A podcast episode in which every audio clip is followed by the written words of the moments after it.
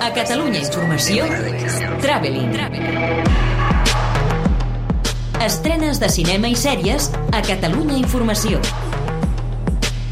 Traveling. Amb Marc Garriga.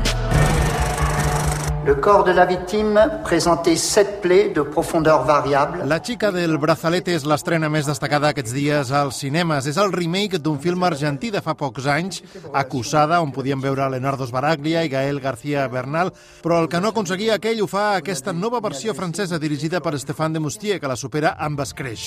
La pel·lícula ens mostra un adolescent a qui acusen d'haver assassinat la seva millor amiga, una amiga de la infantesa, i com ha explicat el director al programa de Catalunya Ràdio La Finestra Indiscreta, aconsegueix que l'espectador visqui la mateixa experiència que viuria un membre del jurat.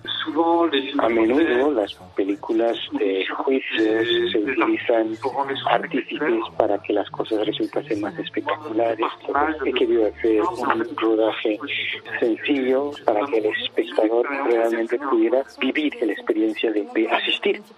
Per tant, el mèrit de Demostier és anar mostrant els fets, les proves, els indicis, progressivament, de manera que la nostra percepció del crim va canviant a mesura que avança i que se'ns generin dubtes de la culpabilitat o la innocència de l'acusada, a banda que serveix per mostrar el grau de desconeixement que els pares tenen de la vida i costums dels seus fills adolescents, de la seva moral, de com afronten l'amor, l'amistat i el sexe, senzilla però molt completa, molt provocadora i addictiva. Man who paints, nothing more, nothing less. Tot el contrari del que ofereix l'altra estrena destacada en sales, La senyora Lowry e Hijo, és una història banal, repetitiva i mediocre que analitza la relació entre un dels pintors més famosos del Regne Unit, Lawrence Stephen Lowry, i la seva mare possessiva, però més enllà de l'intent dels seus dos intèrprets principals, Vanessa Redgrave i Timothy Spall, no aconsegueix generar el més mínim interès. Completen la cartellera el drama mexicà El ombligo de Guiedani i la cinta ucraïnesa Anton, su amigo i la revolució russa. What happened by your forward, Becky? Moltes novetats a les plataformes, sobretot des que a principis d'aquest any Movistar Plus s'ha decidit a recuperar moltes cintes que no s'havien pogut veure encara aquí i aprofita per estrenar directament a la seva plataforma. La més destacada és Becky, que arriba el dia 12, un film molt violent, de revenja, que té diversos al·licients. El primer, veure el còmic Kevin James en un rol completament oposat al que ens té acostumats i que ho faci de manera molt convincent. L'altre, comprovar com els que van gaudir en el seu dia de sol a casa ara poden fer-ho amb un film molt més sanguinari, més adult, una cinta indie molt més perversa, més humor negre important, amb una noia protagonista, la Becky, del títol.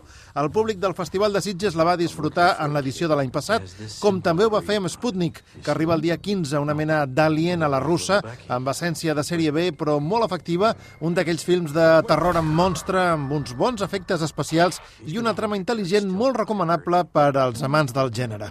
I per als fans dels films orientals que barregen humor gruixut, arts marcials, policies i lladres i guions absurds, ja tenen a la seva disposició també a la plataforma de telefònica Trabajo Extremo, Extreme Job, una pel·lícula divertidíssima sobre un grup de detectius de narcòtics que compren un restaurant de pollastre fregit com a tapadora, però que acaben triomfant amb el negoci. Everything's gotta go. El bicicleta no necesita eso També a Movistar Plus, des de dimarts 16, Port Authority, un drama sobre transsexualitat que es va presentar al Festival de Canes de fa dos anys i que incomprensiblement no ha trobat espai a la cartellera des d'aleshores.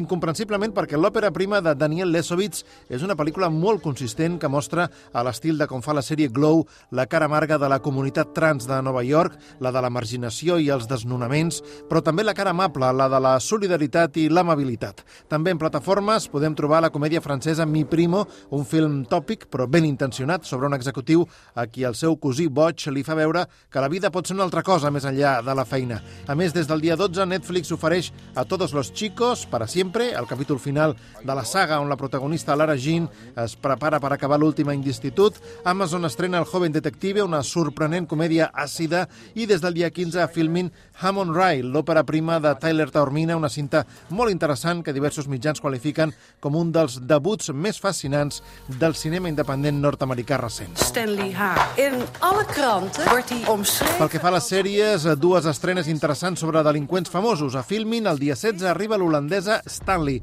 Retrato de un criminal, la sèrie sobre el delinqüent més famós d'Holanda, Stanley Hillis, que va ser un capo de la màfia als anys 90, acusat de tota mena de delictes molt peculiar, que es va fugar quatre cops de la presó i que va morir en estranyes circumstàncies executat al carrer davant la policia l'any 2011. Intrigant, divertida, molt entretinguda. Dos dies abans, el 14, Movistar Plus estrena Los Crímenes de Pembrokeshire, una minissèrie de tres capítols que ha triomfat al Regne Unit dels mateixos creadors que Line of Duty i Bodyguard, que analitza la investigació real que va permetre resoldre gairebé 30 anys després la identitat de l'assassí en sèrie més important de la història de Gales. I a Netflix arriba una de les decepcions de la temporada, Escena del crimen, desaparició en el Hotel Cecil, precedida d'un hype monumental i que no deixa de ser un true crime de segona categoria amb l'únic valor de qüestionar-se finalment a si mateix. Traveling. Estrenes de cinema i sèries a Catalunya Informació.